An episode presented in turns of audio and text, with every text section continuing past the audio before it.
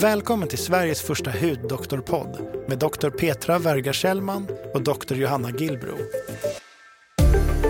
Johanna och Petra kommer hjälpa till att guida er genom allt som är värt att veta om vårt största organ, nämligen huden. Här pratar de om aktuella ämnen, svarar på lyssnarnas frågor, sorterar bland myterna och diskuterar den senaste forskningen när det gäller hud, hudsjukdomar och hudvård. Den här podcasten presenteras i samarbete med Skinom och Diagnostiskt Centrum Hud. Hej och välkomna tillbaka till Huddoktorerna efter vårt semesteruppehåll. Ja, vi har haft ett kanske lite för långt semesteruppehåll. Ja. Men eh, det, det blir så ibland. Ehm, Vi slängde in en repris där för vi hade inga avsnitt men det, det var nog ganska lyckat om eh, vitiligo som blir mycket mer markant under sommaren. Men nu är vi här med doktor Ina Schuppe Koistinen. Varmt välkommen till vår podd Huvuddoktorerna. Tack så jättemycket. Roligt att vara här. ja. Och det är jättekul att du är här och ja, det är nog många som ser fram emot dina, få ta, ta del av dina kunskaper. Även vi, eller jag. Ja, verkligen. Och jag har ju känt dig länge, Ina. Jag tror vi kom i kontakt första gången, det måste ha varit 2017, 16 kanske. Ja, det är det nog. Ja, och sen efter det så träffades vi på en konferens, jag tror det var, ja, det måste ha varit 2018, där vi började prata om min bok, Hudbibeln, och du berättade att du gör akvarellmålningar och jag gick in på din hemsida, kommer jag ihåg, och det måste ni gå in på. Ett tips är att gå in på inasakvareller.se där du har alla dina akvareller uppladdade som är helt fantastiska. Och vi eh, började prata om att du kanske kunde illustrera hudbibeln. Ja, jag kommer ihåg, jag bara slängde ur mig sådär. Om du behöver några akvareller, säg till. Och det slutade med att jag fick en synopsis av boken och det är 12 kapitel. Ja, men det var jätteroligt och det var ju så vi lärde känna varandra Ja. väldigt väl. Ja. Det var ju väldigt, väldigt roligt. Verkligen. Vi har haft vernissage i samband med boksläpp. Och, och jag är så stolt över min bok på grund av alla de fina bilderna. Det var ju flera olika saker som fick dig att börja skriva din bok som heter Vulva som vi har här. Som också är, har fantastiska bilder och väldigt, väldigt bra content. Och det är den vi ska prata om med dig idag. Men berätta om eh, hur det kom sig att du kände att du också ville skriva en bok. Alltså jag kan ju erkänna att jag blev väldigt inspirerad av din bok för att kunna nå ut med kunskap. Eh, Det gör man ju som forskare genom vetenskapliga publikationer och då når man ju en väldigt liten publik som är Mm. väldigt insatt i frågan. Mm. Och eh, jag blir ganska ofta uppringd av journalister från kvällstidningar eller så som kommer med några horribla påståenden vad som botar bakteriell vaginos eller andra kvinnliga åkommor, vad jag tycker om det som forskare. Och ibland blir jag nästan livrädd som att få frågan, vad tycker du om att skölja vaginan med väteperoxid när du har symptom på bakteriell vaginos? Och då kände jag att Alltså, att skriva en bok är ett väldigt bra sätt att nå ut till vanliga kvinnor i samhället och, ehm, och kunna liksom berätta när ska du söka vård? Vad är egentligen saker som är missförstånd kring? Och, och så ju mer jag började tänka på det, desto mer gick jag igång på den här tanken. Men varför är det så att vi har så lite kunskap om våra kroppar? Varför är det så skambelagt att prata om våra kvinnliga könsorgan? Vi har inte något riktigt ord än. Alltså det är Nej. massa sådana saker. Och ju mer jag tänkte på det, då tänkte jag att jag gör som Johanna, jag skriver en bok. Och sen en liten parentes i det hela var ju också att i din bok fick jag ju liksom inte riktigt bestämma hur de här akvarellerna Ingenting. skulle placeras. Och då tänkte jag att om jag vill bestämma om illustrationerna, då får jag nog skriva en egen bok. Då gjorde det. Klokt. Ja. Och Och det det, är vi väldigt glada för. Ja, verkligen. Och det är... Får jag bara fråga, har du de här bild, akvarellerna, är de sålda redan? Eller? Inte alla, men jag hade, det är ungefär 40 akvareller i den här boken. Mm. Det är ja. ganska mycket. Så jag hade ju en utställning i samband med releasefesten. Ja. Så jag sålde en del av dem, men jag har kvar en hel del också. För du, jag är mm. intresserad kan jag säga. Faktiskt. Alltså det är ja, så de står ramade i min ateljé, så att det komma förbi. ja, det är helt mm. otroligt. Men också innehållet är ju så lärorikt och det är som sagt, jag tror att ofta när man har så mycket kunskap som du har så tror man ju på något sätt att alla, men det här vet, det är så mycket som man tror, det här vet ju folk. Mm. Men man vet ju inte det. Och för mig är det väldigt mycket som jag känner, men gud, det här, det här visste inte jag. Och jag tänkte att vi kan spräcka, och så är det ju inom hudvård ja, också, ja, huden. Ja, ja, men jag håller med verkligen. Som, jag, menar, jag kan tycka så här, men jag är ändå läkare, borde ha vissa liksom, eh, man, baskunskaper. Jo, vissa, men, men eh, det är väldigt mm. mycket otroligt användbart och eh, lärorikt i den här boken. Ja, verkligen. Och det, det var ju mening också att förpacka det i ett trevligt lättläst sätt. Och eh, i början, alltså det började med att vi, vi gör ju stora studier på Karolinska institutet där vi samlar prover från många tusen kvinnor i Sverige.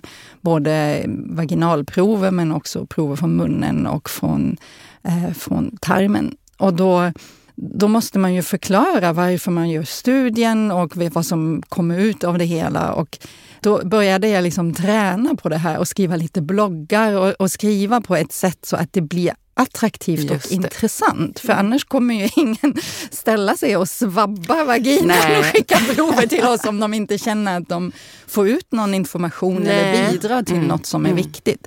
Så jag började skriva lite bloggar på den här Food Pharmacy-bloggen och och då kände jag sen efter ett tag, ja men det här är ju faktiskt väldigt mycket vi inte vet mm. och varför pratar ingen om det här? Och så jag började tycka det är lite roligt att skriva på ett populärvetenskapligt sätt. Mm. Och sen också ha lite glimt i ögat och kunna skämta om varför är det så här? Men det finns ju så att säga ett historiskt kontext varför männen har studerats ja. i forskning och varför vet vi så lite om kvinnokroppen? Och så så det, det blev ju som en en naturlig utveckling av det här, att, mm. att fördjupa sig i de frågorna. Och sen måste jag erkänna att jag har ju plågat alla mina tjejkompisar också en hel del genom att jag liksom, vad tycker du om det här? Vet du det här? Ja. Så att det är ganska många som indirekt har bidragit utan att de kanske inte ens har tänkt på det. Men, ja. men, men, just det där att, att, förstå, vad är det kvinnor oroar sig Exakt. över? Och vad är det vi går och döljer? För det ja. är så skambelagt att prata om. Det är ju jätteväsentligt väsentligt att det här lyfts fram. Och eh, vi pratade lite här om klimakteriet innan eh, mm. vi började spela in. Och det är ju också så att nu vågar ju faktiskt kvinnor säga någonting. För bara mm. fem år sedan var det ganska otänkbart. Ja. Så jag tror att samtalet och sprida just kommunikation genom böcker eller poddar eller så. Ja. Det är ju otroligt viktigt och det är första steget. Men sen Verkligen. måste det ju också drivas mera forskning och bättre innovation när det gäller kvinnohälsa. Ja. Och jag tänker också, för det Ja, det finns ju anledning till det, men just det här att, att endast fyra... Eller Ja, vi kan ju komma till det först att kvinnokroppen är ju inte speciellt... Vi, vi är ju inte forskade på, utan det är faktiskt manskroppen som är forskad på i de allra flesta läkemedelsstudierna just för att man väljer bort fertila kvinnor och sen väljer man också bort kvinnor som, som har då kommit in i klimakteriet på grund av hormonerna där också. Vår kropp är ju av väldigt många olika anledningar inte alls ens i närheten lika studerad som den manliga kroppen. Nej. Och det är ju därför kvinnosjukdomar inte upptäcks. Eller att vanliga saker som en stroke eller andra, andra mm. saker som drabbar mm. både män och kvinnor, de upptäcks ju oftast senare hos kvinnor. Fel diagnostiseras, behandlas fel. Mm. För kvinnor behandlas som små män. Men vi mm. är liksom inte bara mindre eller lättare män, Nej. utan våra kroppar är ju mycket mer komplicerade. Mm. Och de ändras genom hormonförändringar, de har cykliska faser. Och jag tycker det borde vara tvärtom, att forskningen blir triggad av att det här är ju mycket mer komplicerat, det här behöver vi förstå. Ja. Men historiskt har ju män varit de som har drivit forskning. Det är de som har fått utbildning först och det är de som styr över pengarna. Mm, mm. Och då, då har man inte intresserat sig för Nej. kvinnokroppen. Det kanske också är det som ointresset, men också också att man inte har vågat Mm. att... Eh, Kvinnor har liksom med sin, ja, men jag tänker också att man inte har vågat eh, med, kanske pröva vissa Nej, läkemedel och sånt där för att man är, för, precis som du säger, fertila, liksom Mm. childbearing age liksom och vad Mm. kan Jo, hända och så vidare. både- så att då det kan det finnas en om- omtanke. Men jag håller verkligen med om, omsorg om om, Mm. allting Ja. annat Mm. som sagt också. Definitivt. Det, det är så. Tänk så lång tid det tog innan man egentligen insåg att kvinnors hjärtinfarkter så helt, kunde ha helt andra symptom än mäns. Liksom. Mm. Och innan det, ja, att de var tysta på ett annat sätt och så Mm. vidare. Ja, nej, det, Ja, men det, det var faktiskt också någonting som jag, jag läste din bok som jag inte heller visste, just det här med mödomshinnan. Vi kan ju prata lite om det. Ja. Och vilka konsekvenser det har för kvinnor, i, speciellt i andra kulturer. Ja, alltså mödomshinnan är ju egentligen en myt, men den har Mm. ju funnits i många, många hundra år och har ju använts då med någon slags hederskulturrelaterat kontext. Och eh, egentligen har vi ju något som då kallas för slidkransen. Det är någon slags slemhinneväck som är på insidan av slidan någon centimeter in. Och de de täcker ju inte hela slidöppningen för då skulle det ju inte ha, vara möjligt att ha menstruation och så. Och Mm. om det gör så, då måste det åtgärdas medicinskt. Så att det, de, här, de är ganska töjbara och flexibla och de kan till och med finnas kvar efter en förlossning. Mm. Så det här att man, man är tillstängd tills någon öppnar det heliga eh, och det blöder och, och det här är ett mått på kvinnans eh, oskuld. Det är ju, det är ju en myt helt Mm. enkelt. Och Och det, vilka har, vilket, och det, och det som gör mig väldigt upprörd är ju det här att det till och med finns läkare som erbjuder såna här rekonstruktioner av mödomshinnan. Och då, då, då tycker jag att man är verkligen fel ute. Att man både så att säga bekräftar Mm. den manliga synen på oskuld Mm. och dessutom skuldbelägga kvinnorna. Och, alltså, att sånt händer i Sverige är helt obegripligt. Är det så? Det finns läkare som om gör det här Ja, i Sverige? i Sverige. Mm. Men gud, det är helt horribelt. Det var någon rubrik. det är nog lite eh, på skuggsidan skulle jag tro, Säkert, men men, ändå, det eh, förekommer definitivt. ja. Mm. Så det där med mödomshinnan, det, det, det är inte sant. Och att det finns Och det är inte alla, alla kvinnor som blöder vid första eh, samlaget. Nej. Det gör de. Men just det här också att det finns kit som man kan köpa till, eh, till bröllopsnatten där det, det är något blodliknande som man eh, lägger ut på lakanet Ja. för att det finns faktiskt folk som tittar om det, om det har kommit blod Ja. efteråt. Ja, alltså det, man kan ju ändå säga att det finns oftast väldigt kreativa lösningar på problem, så det är i och för sig ganska glädjande. Men, men att det ska behövas är ju Ja, absurt. nej, ja, nej, Ja. det är helt Mm. absurt. Det är helt absurt. Mm. Ja, så det var ju verkligen en myt. Som sagt, jag visste inte det. Att, eh, att den här mödomshinnan egentligen inte... Ja, men just det här med slidveckan. Och, Mm. Ja, det visste nog jag i och för sig, men det kan Ja. ju vara så. Men, men det, det, det spelar ingen roll, utan eh, man ska inte behöva vara läkare för att veta Ja. det, utan det är jätteviktigt att sånt här kommer ut som allmän eh, information. Men, Men, men generellt den här anatomin av de kvinnliga könsorganen tycker man ju att det borde väl ändå vara känt. Men Mm. första gången att eh, man beskrev hur klitoris verkligen är uppbyggt, Mm. vilken storlek den har och hur den är placerad i kroppen. Det var någon gång på slutet av 80-talet. Oj. Alltså det är 30 år efter att människan har varit på månen. Nej, Jag har det är liksom alltså det beskrivit den helt- kvinnliga anatomin. Och det, alltså det är verkligen det, det är hårresande att ingen har tittat på det. Men det är svårt att få forskningsmedel för just kvinnospecifika Ja. eh, frågeställningar. Och ehm, det har en, liksom en lång tradition. Alltså vi vet till exempel idag inte riktigt vilka molekylära mekanismer som utlöser en förlossning. Och det är också Alltså men hur, hur är det överhuvudtaget Ja. möjligt? Det är en av de mest basala och viktiga så att säga, Skeendena, liksom, medicinska mekanismer i vårt släkte. Mm. Och det har vi inte riktigt studerat, för det Nej. inte finns något intresse. Men förstår vi inte det, hur ska vi då kunna förebygga till exempel för tidiga förlossningar som drabbar 5-6 procent av svenska kvinnor och som har enorma konsekvenser både för mamman och pappan och familjen, Mm. men för barnet. Det är ju skälet till både sjukdom och död för, Mm. för barn, det vanligaste skälet för nyfödda barn.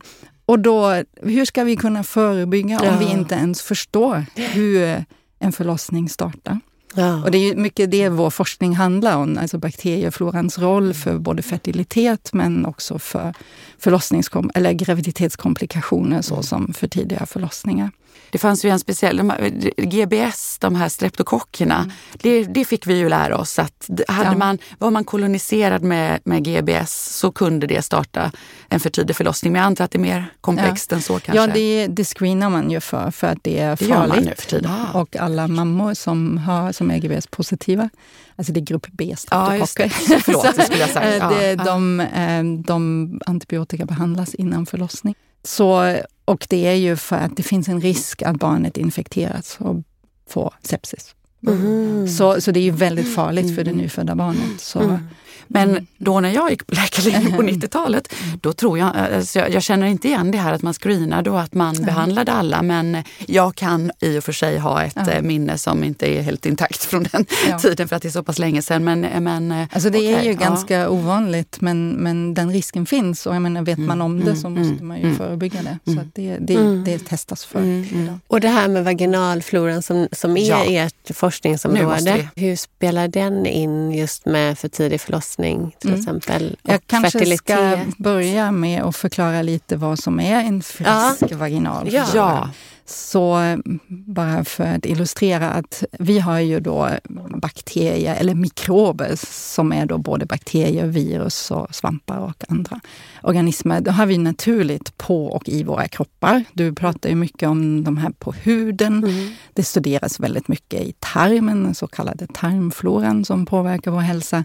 Men hos kvinnor finns det ungefär 10 procent av de här bakterierna. De finns i vaginan. Och det är helt naturligt. 10 procent av alla hela ditt mikrobiom, ja, det är ju jätte... Det är ganska mycket. Det är mm. väldigt mycket. Ja. Och de, finns ju, de har ju en fysiologisk funktion mm. och eh, de skyddar ju oss från infektioner framför mm. allt. Så i en frisk vagina då är eh, slemhinnorna täckta av mjölksyrebakterier mm. eller laktobaciller. Mm. Och de producerar, producerar då mjölksyra som sänker pH-värdet till ungefär 4. Och eh, genom att de växer och trivs där så har ju andra bakterier väldigt svårt att få fäste där mm. och man kan få infektioner. Mm. Så det är därför det är viktigt att ha de här laktobaciller och ett lågt pH-värde. Mm. Och de här laktobacillerna, de är ju, evolutionärt har de ju utvecklats med oss. Så att de, det är speciella sorter av laktobaciller som trivs just mm. i vaginalslemhinnan. De har ett tätt samspel med de kvinnliga cellerna så att mm. säga, med immunsystemet. Mm. Så det är vårt första skydd mot infektioner. För att vaginan är ju inte steril. Vi kommer i kontakt med utevärlden mm. genom samlag eller annat. Mm. Och då är det ett sätt att skydda. Så, så det är jätteviktigt. Och sen är det så när det här pH-värdet ökar, och det gör det ju till exempel i samband med mens och mm. blödningar, för blodet är ju ett neutralt pH-värde. Mm. Eller i samband med oskyddad sex, mm. Eh, när man kommer i kontakt med ejakulatet. Det är också ett högt pH-värde. Vad är det för, för pH-värde på det? Det är runt 7-7,5. Ja och andra så att säga, näringsämnen, då trycks de här laktobacillerna undan och andra bakterier som vi egentligen mm. inte vill ha där tar över. Mm. Men har man en, en frisk vaginalflora så finns det en stor plasticitet så att den poppar tillbaka till det vanliga mm. efter sådana här störningar, om man mm. säger det så. Men vissa kvinnor de har liksom inte tillräckligt med laktobaciller så då kan de inte återskapa det här låga pH-värdet och det naturliga skyddet utan det är andra bakterier som tar över. Mm. Och de har ganska roliga namn som Gardnerella vaginalis och Prevotella och Fanny Hessa och andra. Mo Mobiluncus bland annat. Alltså det finns massa olika species. Och de tar då över och trycker undan de här laktobacillerna och då blir man mer känslig för infektioner. Till exempel alltså både för virus och bakterier. Kvinnor som har då en obalanserad vaginalflora eller bakteriell vaginos har 60% högre risk att bli smittad av HIV till exempel. Oj, oj, oj. Så det är, det är en väldigt eh, det är en stor skillnad och det är en stor risk, så att säga, infektionsrisk. Och också HPV-virus, HPV, ah, precis okay. samma yeah. högre känslighet. Det är också andra saker som, som att vi vet att det är svårare att bli gravid, mm. så att minskad fertilitet. Mm. Och sen med graviditetskomplikationer, det är inte riktigt vetenskapligt kartlagt till 100 procent. Men det finns studier som pekar på att har man då en bakteriell vaginos eller en obalans i vaginalfloran, då är risken större att barnet föds för tidigt. Det finns andra faktorer som spelar in, men det kan vara en av de faktorerna. Och sen finns det också misstankar för andra graviditetskomplikationer, men det är inte riktigt kartlagt. Och det är ju det som, som är vårt huvudforskningsområde, att vi försöker förstå de här sambanden. Mm. Och, och också samband med fertilitet, för mm. det är ju det är ett stort problem för många par och mm. påverkar många människor. Och eh, för många fall har man ju en förklaring att det finns någon slags organskada på de kvinnliga eller manliga könsorganen. Men sen är det ju en stor del, 30-40 procent, där man aldrig riktigt förstår varför mm, de inte lyckas bli gravida. Mm. Och sen i den här med IVF-behandlingar så är det ju fortfarande bara 30 procent som lyckas. Mm. Eh, och många lyckas ju inte ändå. Och där tror vi att eh, bakteriefloran kan spela en stor roll. Mm. Och det finns vissa mindre studier som pekar på det, men det är inte riktigt kartlagt. Vi har också studier inom fertilitet där vi då samlar prover på, på IVF-kliniker och försöker mm. förstå vilka som lyckas bli gravida och vilka som inte lyckas. Och men har, har ni fått finns. reda på någonting där? Alltså vi tror ju att det, att det finns liksom ett samband med dysbios, alltså en ja obalanserad vaginalflora och fertilitet. Det, alltså det är superintressant, men jag bara tänker för de kommer ju inte upp i livmodern. Så ja, det, gör som, de ju. De gör alltså, det. det. är ju inte någon steril stängt, stängt alltså, eh, livmodertappen eller cervix. Då. Det är en öppning. Men det är inte mycket som kan komma in där? Ja, bakterier är inte så stora. och det är ganska fuktigt och varmt. Ja, ja, så, men jag menar, om man bara alltså, tänker så här, jag, jag förstår att man inte kanske har kartlagt det, men, mm. men om 10 procent av alla våra så mikrober finns. det finns färre bakterier eller mikrober i uterus eller ja. livmodern än det finns i vaginan. Ja. Men det finns. Alltså vi tittar i en del av våra studier har vi också tagit prover från uterus genom att gå genom livmoderhalsen där. Och eh, det, det, finns bakterier där också, men kanske, också... Kanske en tiondel av det som finns i vaginan. En procent? Mm. Men det ja. finns ändå? Liksom. Okay, det ja, mm. Men det är väldigt svårt att ta de här proverna för man måste ju passera. Ja. så, mm. så, det mm. finns kontaminationsrisker vi har diskuterat det jättemycket. Hur tar man prov på bästa sätt? Du måste passera liksom själva livmoderhalsen. Ja, men och, och även slidan med ja. alla sina bakterier för att komma... Precis. Ja, men där har man ju såna här mm. spekulum som man ja. kan öppna upp så att det går nog mm. ganska bra. Men just livmoder mm. eller cervix ska man ju mm. Igenom och mm. där kan det ju kontaminera. För man har ju sagt att eh, att det är en helt steril miljö? Nej, alltså... Under en graviditet ska det... Ja, men då är det ju stängt. Då tänker jag, då är det ju hinsäck och allting. Då Precis. Alltså, den stora... Vi har ju publicerat ja. en artikel om det och har haft, gjort en studie i samarbete med Södersjukhuset mm. här i mm. Stockholm. Um, att en hypotes som, som publicerades eh, för nästan tio år sedan var att innehållet i fostersäcken är inte sterilt och att barnet eh, koloniseras med bakterier medan det finns i magen. Mm. Och det var liksom en stor nyhet och det har diskuterats jättemycket inom forskarkretsar. Mm. Och jag tycker rent fysiologiskt det är inte meningsfullt. För jag menar, ett mikrobiom eller bakterier, de finns ju så att säga på slemhinnor ja. i de delar av kroppen som är i kontakt med utvärlden som i munnen eller vaginan mm. eller tarmöppning eller något sånt där. Och att eh, det skulle finnas bakterier i placentan och i fostersäcken. Det, det, det, alltså det är ju genomblödd placentan. Det, det, för mig är det inte riktigt meningsfullt. Mm. Men det, det, var en otrolig kontrovers och eh, vi gjorde då en studie där vi tog 75 prover per gravid kvinna oj, oj, oj. direkt vid kejsarsnittsförlossning. Och så tittade vi på till exempel fostervätska, vi tittade på olika delar av placentan, vi svabbade huden på bebisen. Det har man ju sån här fett, ja. vernix kallas det, hudfett på bebisar. Och eh, alltså vi tog jätte, jättemycket prover och sen kom vi fram till att nej, det är nog sterilt där inne. Det och det, det är rimligt. Och det är också så att eh, placentan och fostersäckarna, de utsöndrar antimikrobiella mm. peptider mm. som håller miljön steril, för den är ju inte steril från början. Nej, Men så snart fostret utvecklas och alla de här hinnorna och placentan bildas sluts det liksom. så sluts det och så hålls det sterilt. Och sen koloniseras barnet vid själva förlossningen. Mm. Och då är det ju mycket prat om det här barn som är kejsarsnittsförlösta, att de inte passerar vaginalkanalen och inte får med sig de här nyttiga laktobacillerna utan de kommer i kontakt med hudbakterier först då vid kejsarsnittsförlossning. Men eh, alltså, det är ett annat forskningsområde ja, som vi också ja, jobbar i. Men jag beskriver sån, en sån mm. studie i boken. Mm. Mm. Men det är så, alltså människokroppen, alltså, mm. vilken, och speciellt den kvinnliga kroppen ja, måste jag precis. faktiskt säga. Mm, vilken konstruktion! Ja, alltså vilken konstruktion! Och det är liksom allting ifrån det mekaniska, liksom mekaniken, mm. till alla liksom, signalvägar. Ja, det är helt ja, Ibland kan man nästan fyllas lite av någon slags andakt ja. över hur mm. otroligt, vilken finess i att allting fungerar. Men jag, jag, tänker ju gärna lite sådär evolutionärt och det är ju sånt som har utvecklats i miljontals år. Men det är ju först nu vi börjar förstå det här mm. samspelet med mikroberna och våra kroppar. För tidigare har vi inte kunnat studera det.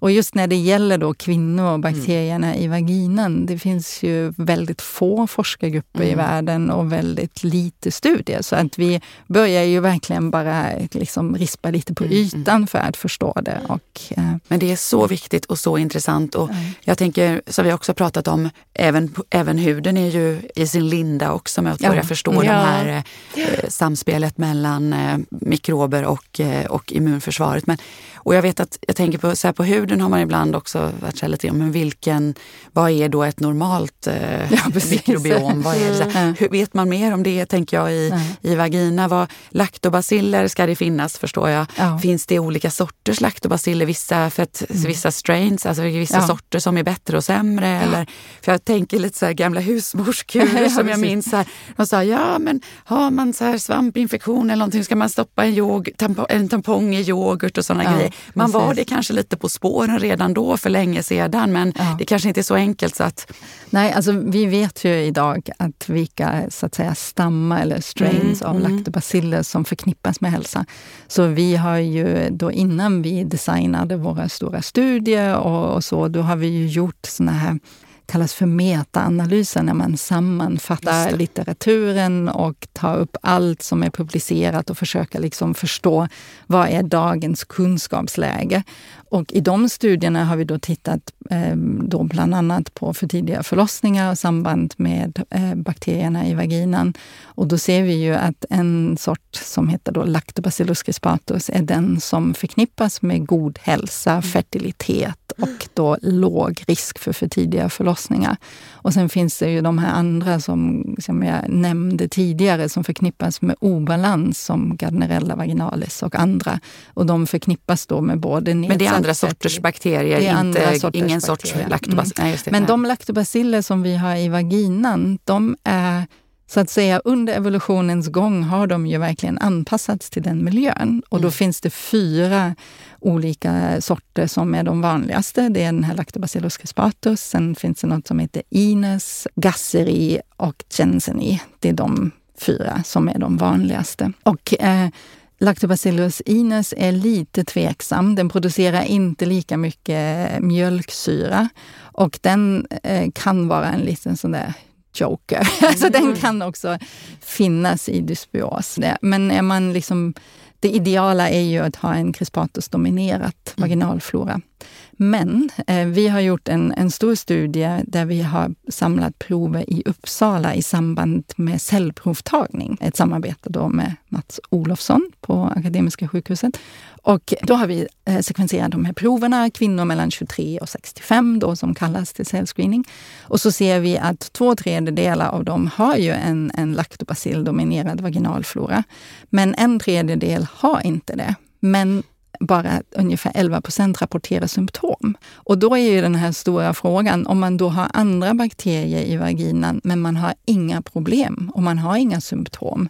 Är, är man något, då sjuk? Är man sjuk? Är det något som behöver behandlas eller ej? Och det vet vi inte Nej. idag. Nej. Och så, är det, och så ser det ut då i den populationen. Men tittar man då i eh, till exempel USA har man gjort studier där man har jämfört latinamerikanska kvinnor, afroamerikanska kvinnor med vita amerikanska kvinnor.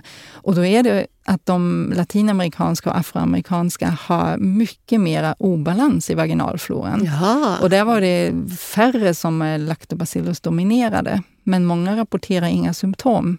Är det då normalt? Vi Ja, vet inte. nej. Och sen är det, vi börjar liksom förstå vilka faktorer som påverkar och väldigt mycket har ju med livsstil, sexvanor, hygienvanor att göra. Och kan man då säga att det har med etnicitet och gener att göra eller är det rent att man helt enkelt har olika vanor? Så det är inte riktigt Det är kartlagt. Det är väldigt man- svårt. Nej, precis. Och jag tänker i vissa länder så är det ju så att man, eh, man tvättar mycket mer. Vi är ganska restriktiva i Sverige eh, att tvätta just vaginala området. Men det är man ju faktiskt inte i många andra länder. Och använder mycket olika parfymerade preparat och sådär. Precis. Jag, är- till exempel i USA marknadsförs ju stenhårt alla såna här vaginal duschning Ja, med parfymerade produkter och jag Ja. blir bara livrädd. Alltså det är det sämsta man kan göra. Ja. Både att man sköljer bort men också att man med de här kemikalierna helt enkelt skadar de känsliga slemhinnorna som leder till sprickor, inflammation och högre risk att bli infekterad. Alltså det är verkligen... Vaginan är självrensande. Ja. Vi har ju en flytning som sköljer den kontinuerligt. Så man ska inte behöva skölja Nej. insidan av de kvinnliga könsorganen. Alltså man ska ju tvätta utsidan för att vara fräsch och så. Men man behöver inte använda tvål och eh, det räcker bra med ljummet vatten och möjligtvis någon neutral Mm. vegetabilisk olja om man känner sig torr. Men, Ja. eh, det ska inte behövas eh, kemikalier. Helt Nej, enkelt. precis. Så man, man önskar liksom att, att vi kan få, få den här bilden av och så är det ju också inom huden och hudvård, att det som är naturligt för huden... eh, Får vara i fred. Ja, precis. Att huden är, och det vaginala området och vilket annat organ som helst är utvecklat under hundratusentals år för oss människor. Mm. Och vi, varför ska vi vara där och störa det? Det är Ja. precis på samma sätt med huden. Men, men just med USA, vi har haft ett, eh, varit i kontakt med eh, faktiskt barnläkare då i eh, USA för, för vissa av våra produkter som, som används med fördel på, på barnhud, speciellt när man har eksembenägen hud. Märk då att de här produkterna, hudvårdsprodukter, eh, ska användas på, har vi sett effekt på eksembenägen hud. Men deras marknadsteam vill inte ta produkterna om vi inte lägger till lavendel eller något annat som luktar. Här, Så att det, Ja, det är ja. så kulturellt det här med Ja. doft. Att, Och sen när det gäller de här kvinnliga könsorganen, det blir också någon slags indirekt eh, ett indirekt budskap att vi duger inte som vi är. Utan vi ska behöva exakt. parfymera, fixa till och göra oss attraktiva Mm. för att duga. mm, Och det är också, jag blir upprörd vid tanken. Mm. För jag menar, våra kroppar, de ska ju bara vara som de är. Och, eh, exakt. är- och man har ju en så att säga, specifik doft av underlivet. Som, alltså har man en dålig lukt, då måste man ju söka hjälp. För då har man ju förmodligen bakteriell vaginos eller något problem som behöver behandlas inom vården. Mm. Men en vanlig frisk eh, vulva, den har ju en egen specifik doft. Också beroende på vilka bakterier man har på huden och lite svett Mm. och sådana saker. Men, men den ska ju inte behöva döljas eller fixas Nej, till exakt. för att vi ska duga som eller ska vara attraktiva. Nej men det är helt sjukt. Och då kan vi komma in på den här Ja. myten som, som Mm. du också skriver om i, boken. Just att, att det finns tydligen eh, hela forum på nätet där man pratar om vad man ska äta för att få just en bättre doft i det vaginala området. Ja. Du får jättegärna berätta. Ja, alltså det är en av de här, det har ni kanske läst i någon har sån där rubrik i någon damtidning. Ät ananas för att din vulva ska smaka sött. och så, Skojar. och jag, jag har inte tänkt så mycket på det, men just när jag haft en del kontakt då med journalister som har skrivit om boken och så säger en, en av dem till mig Ja, min dotter som är 16, hon har börjat äta kopiösa mängder ananas.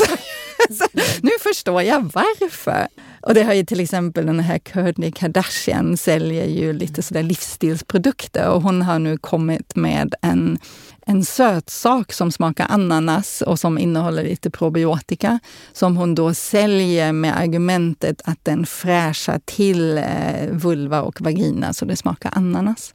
Och det är ju, alltså, Ska denna produkt ätas eller Ja, föras det är ju alltså, vi som är lite nyktra naturvetare. Ja, ja. Jag känner bara att det är en så skriande okunskap om hur den mänskliga kroppen fungerar. Fungerar. För äter vi någonting, oberoende om det är ananas eller någonting annat, så bryts det ner till sina små minsta beståndsdelar som cirkuleras runt i blodet och tas upp av cellerna i kroppen. Det finns ingen genväg för ananas eh, som ska hamna i, i vaginan. Nej.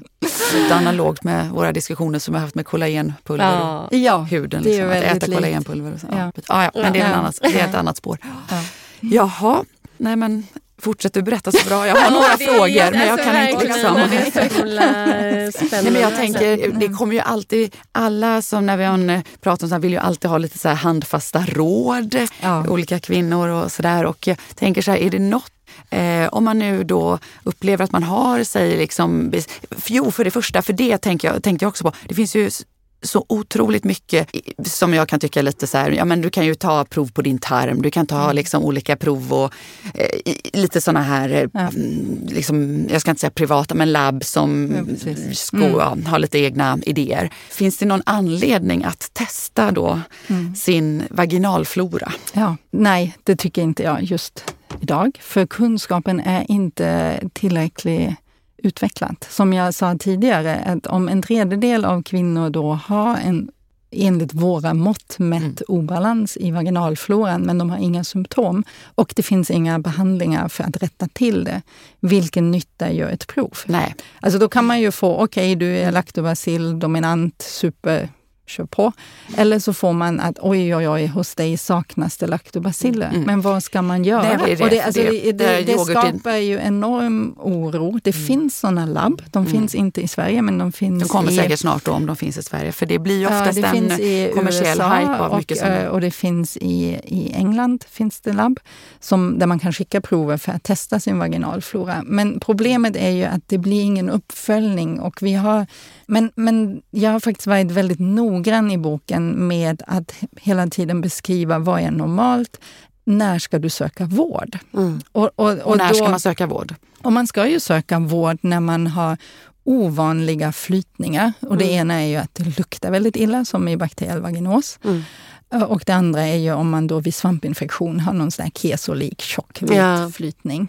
Och andra symptom som att det kliar eller gör ont vid sex eller Mm. när man kissar. Och, Eller att det är liksom tecken på någon slags urinvägsinfektion, att man springer och kissar jätteofta och Mm. har ont. Eh, Så det ska man ju följa upp och söka vård och inte Inte laborera med själv. inte laborera, liksom. inte skölja med väteperoxid.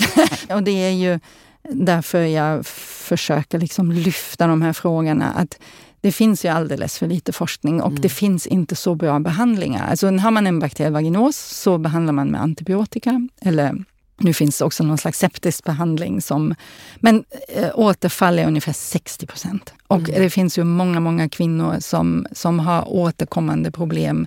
Och det är ju jättejobbigt. Alltså kan jag tänka dig att lukta rutten fisk? Mm. Alltså det ena är ju Ah, att det- ha ont och, och klia och bränner och så. Och det ena är ju att det är jätteobehagligt Men det är också rent socialt mm. ett handikapp att man är orolig för att någon annan kan känna den doften. Och inte prata om sex och så. Att det blir ju mm. väldigt, väldigt jobbigt. Och vad är behandlingsrationalen? Ja, ja, Alltså man behandlar med, mm. med vaginalt antibiotika. Ja. Det står återfallsrisken återfalls är liksom... 60 procent. Ja. Det, så det är jättevanligt. Alltså egentligen i idealfallet då skulle man ju ta bort de bakterier som ja. är skadliga, alltså antibiotika, mm. och sen följa upp då med en probiotikabehandling, ja. alltså tillsätta ja. rätt sorters bakterier. Och ni jobbar ju lite med vi, det. Vi Finns jobbar det? väldigt intensivt med det. Så att vi har tagit fram jättemånga bakteriestammar då från friska kvinnor som vi håller på att karaktärisera och välja ut dem som är bäst. Alltså av de här crispatus-stammarna, då vill vi ju välja ut de som producerar mest mjölksyra, som är duktigast på att mm. fästa vid vaginalslemhinnan, som är eh, duktigast på liksom, kommunikation med immunsystemet och som är duktiga på att bryta biofilm och ta död på Gardnerella till exempel. Ja. Alltså vi har ju ett, ett, ett, mm. ett litet paket av tester.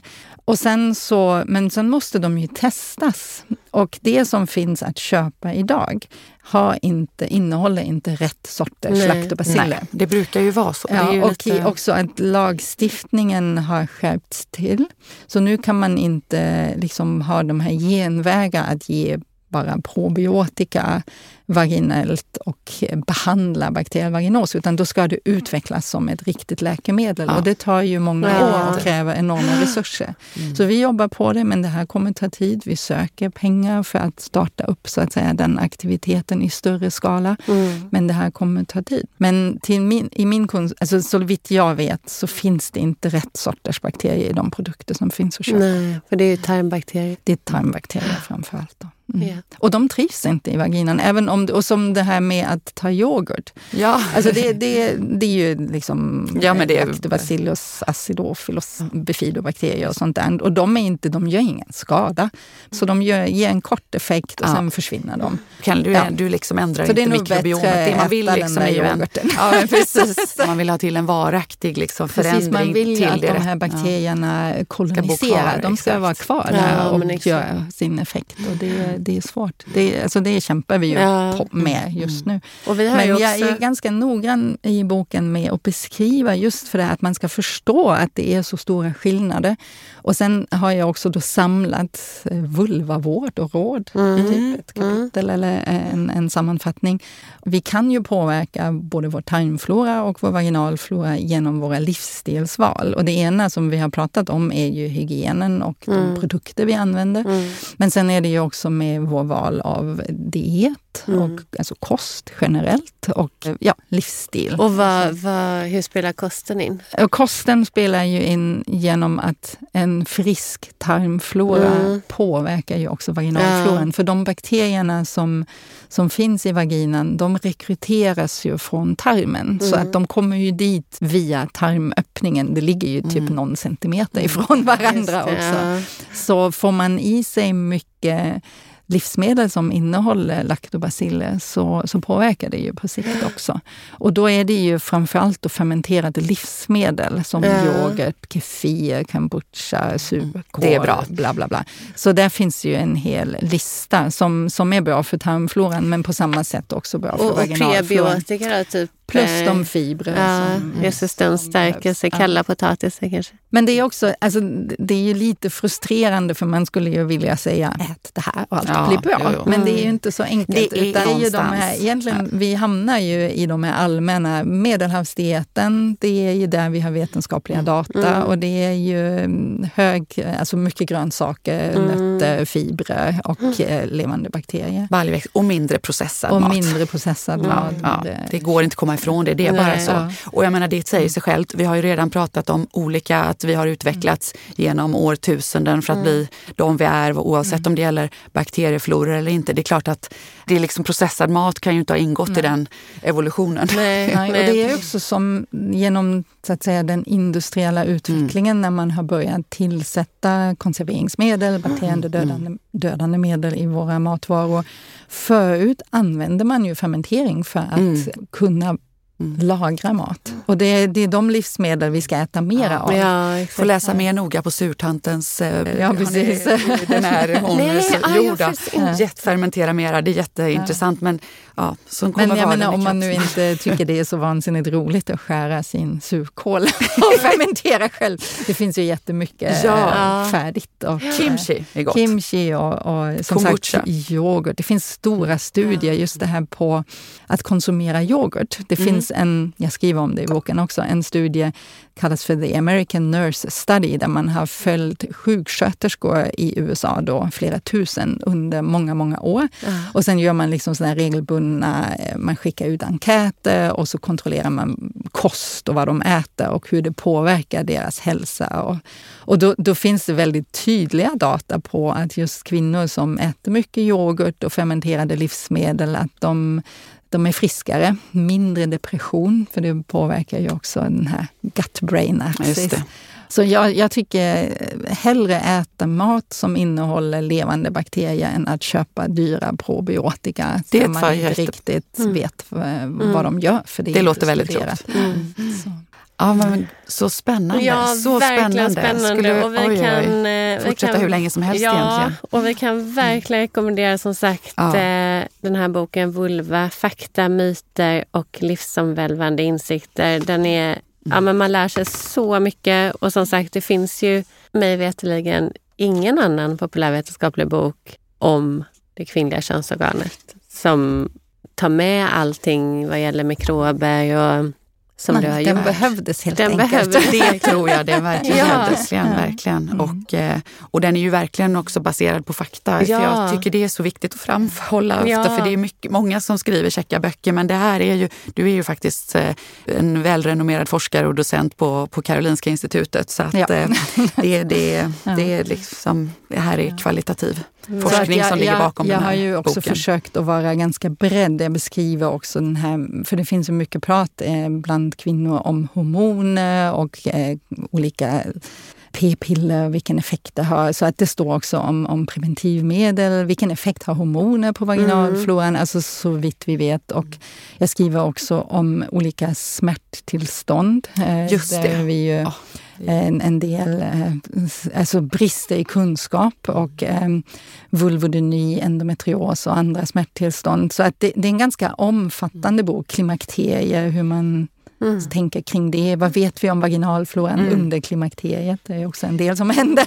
Så, att, så det är ganska bred. Det är inte bara vår forskning utan jag har ju försökt att titta på det här från perspektivet vad frågar kvinnor och vad tycker vi att man ska mm. berätta? Eller tycker jag att jag ska berätta om för att det ska bli någon slags komplett mm. beskrivning av kvinnors specifik hälsa. Mm. Gynekologer måste väl vara väldigt glada tänker jag, över den här boken. För att ja. jag kan tänka mig att mycket mm av mm. om man säger bekymmer som inte är kanske liksom namngivna sjukdomar ja. kommer ju att hamna, kommer säkert att, jag menar, kommer ju så många gånger att söka gynekologer och så vidare som mm. kanske inte kan lösa hela problemet för att det är, det är mm. mera kanske besvär än, än, än någonting som man kan liksom diagnostisera med. Då måste ju det här vara ett otroligt ja. bra komplement. Som gynekolog skulle jag verkligen Ja. Vill jag, jag har haft en, en faktagranskare som, mm. som är gynekolog och, um, och jag vet också att många har uttalat sig väldigt positivt om ja, boken och det. tycker just att det fyller en, en funktion genom verkligen. att det är liksom bort från bara medicinska diagnoser utan prata mer om vardagliga besvär ja. och när ska man söka hjälp och så. För vi har ju även, så är det ju inom hud också, det finns ju mycket som är liksom, det är besvär för patienten även om det inte är, liksom, precis som du säger, liksom, fyller någon egentligen större diagnoser. Då ska man vara en, kanske ännu sjukare ja, men det är fortfarande ja. besvär och livskvalitetsnedsättande.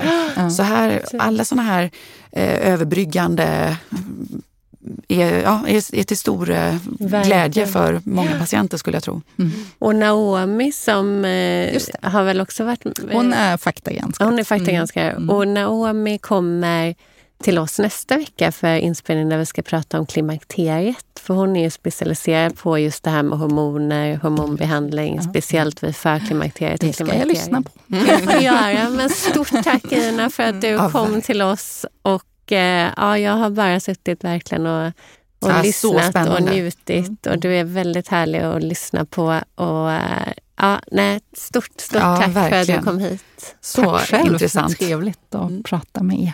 Tack för att ni har lyssnat också. Och, Ja. ehm, ställ gärna frågor om ni kommer på några så ska vi kanske få se om vi kan få hjälp att svara på dessa. Kanske Ja. ta kontakt med dig när, Ja. och få hjälp att svara på eventuella frågor i, i efterhand. För det, det här är ett, nog ett ämne som många eh, tycker är väldigt intressant och viktigt. Och, Verkligen, verkligen. Och om ni vill mejla in frågor så är det som sagt hurdoktorerna gmail.com. tack och hej. Ha en jättefin vecka. Tack! hej hej.